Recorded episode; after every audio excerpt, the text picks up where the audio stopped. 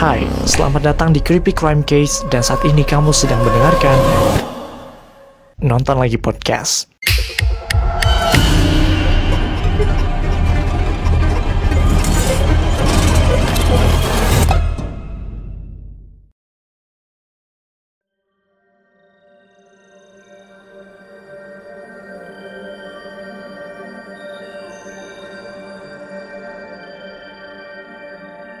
Halo guys, apa kabar? Semoga kalian dalam keadaan baik dan selalu diberikan kesehatan.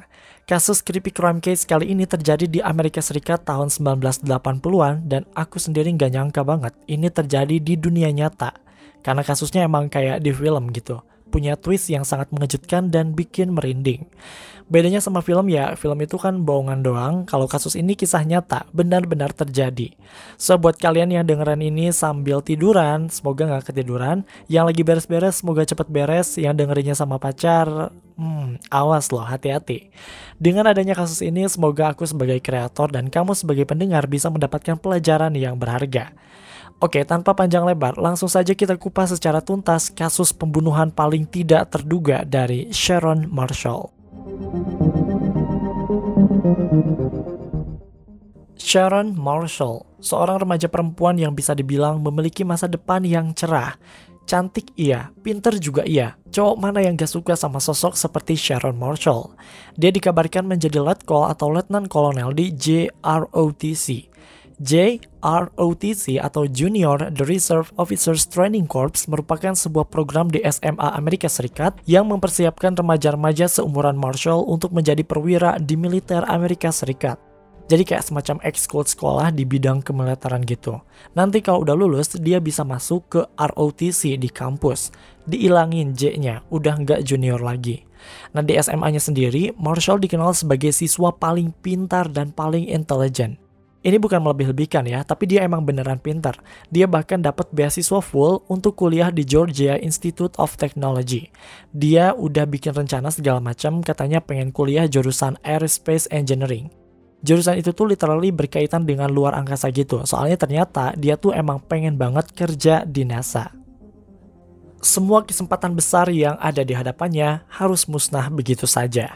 Dia harus merelakan semua itu karena Marshall menyimpan sebuah rahasia besar Ternyata dia hamil oleh pacarnya dan hamilnya itu pas banget di tahun terakhir Marshall sekolah di SMA-nya. Jadi kayak pas kelas 3-nya gitu guys. Entah gak enakan atau apa, Marshall tidak menceritakan kehamilannya pada pacarnya itu. Dia juga nggak bisa lanjut kuliah, apalagi kerja di NASA. Dia merahasiakan kehamilannya itu dengan baik hingga akhirnya bayi itu lahir.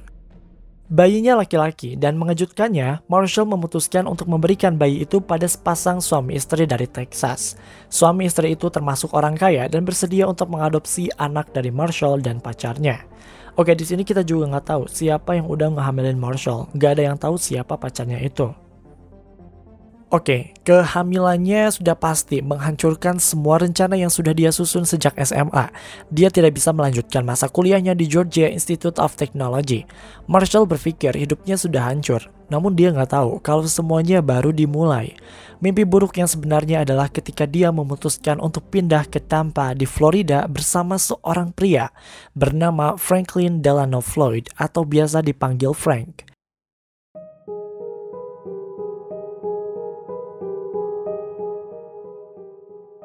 Walaupun mereka pindah bareng gitu, layaknya suami istri, ternyata Marshall justru ngedate sama cowok lain dan gak lama deket sama cowok itu, dia hamil lagi untuk kedua kalinya. Sama kayak sebelumnya, dia tidak memberitahu pacarnya itu tentang kehamilannya. Tapi kali ini dia memilih untuk membesarkan anak itu bersama Frank. Dia melahirkan pada tahun 1988 dan anaknya diberi nama Michael Gregory Marshall. Oke, di sini kelihatan jelas ya kalau hubungan antara Marshall dan Frank ini aneh gitu, complicated. Bahkan media sana menyebutkan hubungan mereka itu romantis enggak, tidak romantis juga enggak. Tapi keduanya hidup bersama dan memutuskan untuk membesarkan Michael. Frank bekerja sebagai pelukis, tapi dia tuh bilang kalau punggungnya sering kerasa sakit banget. Akhirnya dia jarang kerja dan Marshall memutuskan dirinya yang harus bekerja. Marshall memilih untuk bekerja sebagai penari erotis untuk menghidupi Frank dan Michael. Mereka juga mengandalkan welfare checks atau cek kesejahteraan. Pada dasarnya itu adalah pembayaran yang dilakukan oleh pemerintah atau organisasi untuk mereka yang tidak memiliki uang seperti Marshall dan Frank. Kalau di Indonesia mungkin kayak dana bansos gitu lah ya. Bedanya kalau di sana tuh nggak dikorupsi, kalau di kita dikorupsi. Canda korupsi. Teman-teman kerjanya Marshall bilang kalau Marshall itu adalah perempuan yang baik dan ramah banget. Katanya juga dia kelihatan deket banget sama teman sepekerjaannya usia 18 tahun bernama Cheryl Comeso. Somehow Cheryl juga mulai kenal nih sama Frank. Walaupun Marshall dan Cheryl kelihatan kayak bestian banget, Cheryl kayak nggak suka sama Frank. Mereka terlihat sering berbeda pendapat. Tepat pada akhir pekan tahun 1989, Marshall, Frank, dan Cheryl pergi naik kapal bersama dan tepat pada saat itu juga terjadi perkelahian di antara mereka. Cheryl ternyata melaporkan Marshall ke Social Services atas dugaan pemalsuan laporan keuangan. Jadi kan tadi si Marshall sama si Frank itu ngandelin duit bansos gitu kan. Nah kata si Cheryl harusnya mereka tuh nggak dapat dana bansos karena Marshall dapat penghasilan dari pekerjaannya sebagai penari erotis. Cheryl melaporkan kalau si Marshall telah menyembunyikan sebagian gajinya supaya dana bansos tetap ngalir. Singkatnya gitu guys. Mereka berantem dan si Frank marah banget. Dia nggak terima sama laporan yang dituduhkan oleh Cheryl. Beberapa waktu setelah kejadian itu, Frank datang ke klub tempat Marshall dan Cheryl bekerja. Dia langsung nyerang si Cheryl di luar klub. Beberapa saksi mengatakan bahwa Frank meninju Cheryl tepat di wajahnya selama pertengkaran itu. Tidak lama setelah kejadian itu, Cheryl memutuskan pergi dari rumah ayahnya untuk liburan bersama teman-temannya. Tapi setelah kepergian si Cheryl, ayahnya nggak dapat kabar apa pun dari Cheryl. Dan Cheryl akhirnya dinyatakan hilang. Mobilnya ditemukan di bandara dan tim investigasi segera dibentuk. Baik Frank dan Marshall keduanya dicurigai terlibat dalam kasus menghilangnya Cheryl. Namun selama beberapa tahun, tidak ada bukti yang bisa membenarkan kecurigaan itu. Mereka nampak tidak terlibat dalam kasus hilangnya Cheryl. Tapi anehnya guys, mereka berdua langsung pindah dari tempat tinggal mereka dan aksi mereka justru menambah kecurigaan tim investigasi. Keanehannya ditambah dengan mereka menggunakan nama yang berbeda setiap pergi. Jadi sekarang mereka kayak punya nama samaran gitu. Masih pada tahun yang sama, Marshall dan Frank akhirnya menikah. Frank mengklaim kalau pernikahan tersebut dilakukan untuk memberikan nama keluarga pada anaknya si Marshall. Mereka akhirnya tinggal di Tulsa, Oklahoma, dan Marshall lagi-lagi bekerja sebagai penari erotis. Menariknya adalah orang-orang tuh pada suka sama kepribadian Marshall. Mungkin karena dia emang baik dan ramah dari lahir kali ya. Pokoknya dia sangat mudah untuk membuat hubungan pertemanan dengan siapa pun, di mana pun. Beda sama si Frank Orang-orang nampak sangat tidak menyukai kepribadian Frank. Dia sangat agresif dan sangat tidak menyenangkan. Dalam catatan laporan, Frank lagi-lagi pernah bertengkar sama teman kerjanya si Marshall. Pertengkaran ini dilatar belakangi oleh omongan temannya si Marshall yang bilang kalau Marshall harus segera meninggalkan Frank. Di sana tidak hanya ada perkelahian, tapi juga ada ancaman. Frank mengancam akan membunuh Marshall jika dia berani untuk meninggalkannya. Ternyata Marshall emang punya rencana untuk pergi meninggalkan si Frank. Dia berencana untuk kabur kepada seorang pria yang ia temui di klub tempatnya bekerja. Diduga Marshall emang mau ngejalanin rencana ini dari dulu, tapi dia takut sama Frank. Dia takut dirinya atau anaknya si Michael diapa-apain sama Frank. Akhirnya ia tidak pernah menjalankan rencana itu. Suatu ketika sebuah tragedi terjadi. Marshall tiba-tiba ditemukan tidak sadarkan diri di jalan raya. Frank mengaku pada saat kejadian itu dia tertidur dan gak tahu apa-apa soal kondisi si Marshall. Orang-orang berpikir bahwa mungkin Marshall menjadi korban tabrak lari. Ia langsung dirawat di rumah sakit dan Marshall tidak pernah sadar kembali. Dia masih hidup tapi kayak koma gitu loh guys. Tapi suatu hari dia akhirnya sadarkan diri dan teman-teman kerja dari klubnya itu datang buat jenguk. Banyak dari temannya bilang kalau kondisi si Marshall itu semakin membaik. Tapi anehnya, Tiba-tiba si Frank ngelarang teman-teman kerjanya si Marshall buat jenguk dia lagi tanpa alasan yang jelas. Pokoknya dia bilang gak boleh ada yang jenguk si Marshall lagi. Lima hari setelah kecelakaan itu, Marshall akhirnya meninggal dunia. Banyak orang yang mencurigai tingkah laku aneh si Frank, khususnya ketika Marshall akan membaik sebelum akhirnya meninggal. Dia kayak gak mau si Marshall sembuh gitu. Dokter juga curiga kalau luka-luka yang ada di tubuh si Marshall nampak seperti luka yang disebabkan oleh pembunuhan. Bahkan dokter juga bilang kalau luka yang ada di kepalanya sepertinya bukan karena hantaman mobil. Marshall sepertinya bukan korban tabrak lari, namun ada seseorang yang sengaja membunuhnya dan meletakkan tubuhnya di jalan raya supaya orang-orang berspekulasi bahwa dia telah tertabrak. Banyak juga orang yang mengira kalau dia dibunuh oleh Frank selama di rumah sakit, tepatnya setelah ia melarang teman-teman kerja Marshall datang untuk menjenguk. Namun dugaan itu sulit dibuktikan. Banyak orang yang curiga sama Frank tapi gak ada satupun bukti yang bisa membenarkan hipotesis itu. Sekarang Frank gak bisa dapetin uang, Marshall telah meninggal dan dia juga gak bisa kerja. Dia langsung menelpon perusahaan asuransi hidup untuk mengklaim polis senilai 80 ribu dolar yang dia ambil atas kematian Marshall. Masalahnya adalah Frank terlalu sering menggunakan nama samaran, jadi nomor jaminan sosial yang dia berikan gak pernah cocok sama namanya. Istilahnya kayak username sama passwordnya itu gak cocok gitu. Setelah beberapa kali percobaan, dia akhirnya memberikan nama aslinya, yaitu Frank Delano Floyd. Dan saat itulah siapa sosok Frank sebenarnya terungkap. Dia ternyata memiliki catatan kriminal yang cukup banyak Ketika usianya 19 tahun, dia pernah dihukum 10 hingga 20 tahun atas kasus penculikan dan penyerangan seorang gadis berusia 4 tahun. Namun dia berhasil kabur dengan mencuri sebuah kendaraan. Tapi itu baru permulaan guys.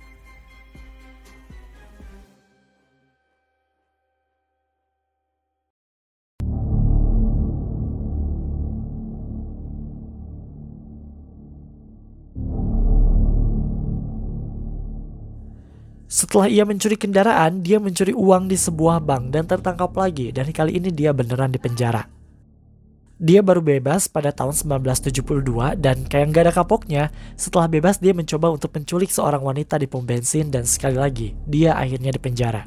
Bedanya sekarang dia membayar jaminannya tapi ngeskip tanggal pengadilannya. Surat pengadilan dikeluarkan untuk menangkapnya tapi dia tiba-tiba menghilang dan pergi jauh dan memulai kehidupan baru dengan nama samaran. Itu dia big story Frank sebelum akhirnya ia harus memberitahu nama aslinya pada perusahaan asuransi. Frank berusaha melarikan diri dari pihak berwenang, tetapi dia segera ditangkap dan ditempatkan di penjara untuk menyelesaikan hukumannya. Untuk teman-teman Marshall, mereka merasa bahwa penangkapan Frank adalah cara untuk memberikan keadilan atas kematiannya yang terlalu dini. Selama dia di penjara, Frank melaporkan bahwa dia mengirim Michael kepada petugas panti sosial sebelum dia kabur. Michael akhirnya diasuh oleh keluarga yang sangat ramah. Mereka sangat kaget karena Michael ternyata nggak bisa ngomong. Bukan bisu guys, dia kayak anak yang gak pernah diajarin ngomong. Dia cuma bisa teriak dan merengek untuk berkomunikasi. Padahal waktu itu di usianya harusnya dia udah bisa ngomong. Bertahun-tahun berlalu, Frank masih di penjara dan Michael tumbuh besar. Michael juga sering mengunjungi Frank. Frank bersikeras kalau Michael adalah anak kandung dari Frank. Cuma waktu itu Michael melakukan tes DNA dan hasilnya ternyata dia bukan anak kandungnya. Ingat kan dulu waktu itu kan si Marshall hamilnya itu bukan sama si Frank, tapi sama pacarnya itu. Sejak saat itu, Michael tidak pernah mengunjungi Frank lagi. Entah karena dendam atau apa, pada tahun 1994, Frank akhirnya bebas dan dia masih mencari Michael. Dia berusaha untuk mengambil Michael dari keluarga yang telah mengadopsinya. Frank pergi ke sekolah tempat si Michael belajar dan sempat dihalangi oleh kepala sekolahnya. Namun tanpa diduga dia membawa pistol dan langsung mengancam si kepala sekolah itu. Anyway, nama kepala sekolahnya itu adalah James Davis. Akhirnya, Davis dan Michael diancam dan disuruh untuk pergi ke suatu tempat yang lumayan jauh dari sekolah. Hebatnya si Frank, apa yang dia lakukan sama sekali tidak menimbulkan kegaduhan di sekolah. Ketika sampai di tempat tujuan, James langsung diikat di suatu pohon dan meninggalkannya tanpa luka sedikit pun. Sedangkan Michael dibawa oleh Frank menggunakan mobilnya Davis. Mereka entah pergi ke mana, yang pasti Michael dinyatakan hilang. Tapi untungnya tim investigasi segera dibentuk dan dua bulan kemudian Frank ditangkap di Louisville, Kentucky dan langsung dipenjara. Tapi anehnya, Frank sendirian, gak ada tanda-tanda keberadaan Michael. Pencarian terus dilakukan, tapi Michael tetap tidak ditemukan. Frank menolak untuk memberitahu orang-orang mengenai kejadian yang sebenarnya. Dia orangnya tuh kayak ngelunjak gitu sama polisi. Dia bahkan bilang kalau keberadaan Michael itu bukan urusan polisi. Setahun kemudian, tepatnya pada tahun 1995, kumpulan kerangka manusia ditemukan tertutup tanaman merambat di Pinellas County, Florida. Kerangka tersebut tidak langsung teridentifikasi milik siapa, namun tim investigasi menyimpulkan bahwa pemilik kerangka itu dulunya adalah korban pembunuhan karena ada luka pukulan yang sangat keras dan dua tembakan di kepala. Beberapa bulan kemudian, seorang mekanik di Kansas membeli sebuah mobil dari pelelangan dan di dalamnya ia menemukan sebuah amplop yang sangat besar yang berisi 97 foto perempuan dalam kondisi mengenaskan. What a twist, ternyata itu adalah mobil yang sempat dipakai oleh Frank dulu. Foto tersebut dibandingkan dengan kerangka-kerangka tadi, siapa tahu cocok gitu kan. Dan ternyata luka pukulan yang ada di foto cocok dengan salah satu kerangka yang ditemukan.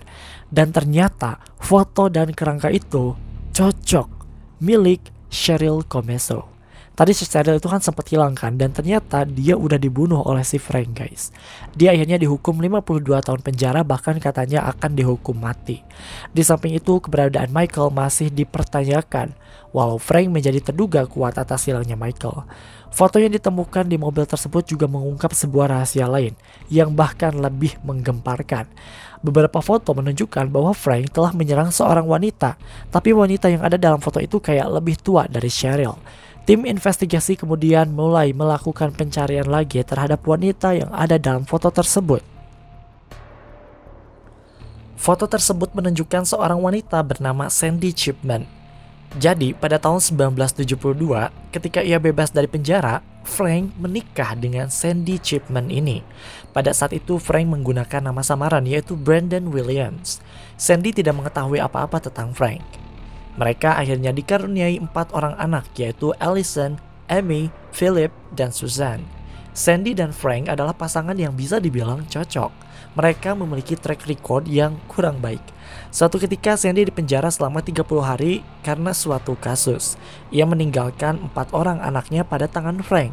Ketika keluar dari penjara, Sandy tidak menemukan keempat anaknya itu. Keempat anaknya itu dibawa kabur oleh Frank.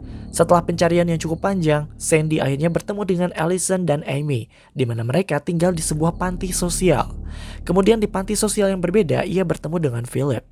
Ketiga anaknya sudah ditemukan, kecuali si Susan. Ternyata guys, setelah dilakukan penyelidikan, Susan adalah Sharon Marshall. Nama asli dari Sharon Marshall adalah Susan Mary Severkis. Susan adalah anak satu-satunya yang dia bawa, sedangkan tiga lainnya dikirim ke panti sosial yang berbeda. Jadi selama ini guys, Marshall pindah ke Florida bersama ayahnya sendiri, si Frank. Frank yang telah membawa dirinya kabur sering melakukan kekerasan padanya, menikahinya, dan kemungkinan besar juga membunuhnya. Dan anak dari anaknya sendiri, si Michael kemungkinan besar juga telah dibunuh oleh si Frank. Aduh, itu dia kasus Sharon Marshall yang sangat rumit dan mengejutkan. Oke guys, itu dia kasus untuk hari ini di Nonton Lagi Podcast. Jangan lupa untuk selalu dukung Nonton Lagi Podcast dengan cara share, follow, dan juga kasih rating terbaik untuk podcast kita ya. Sampai jumpa di episode Nonton Lagi Podcast berikutnya.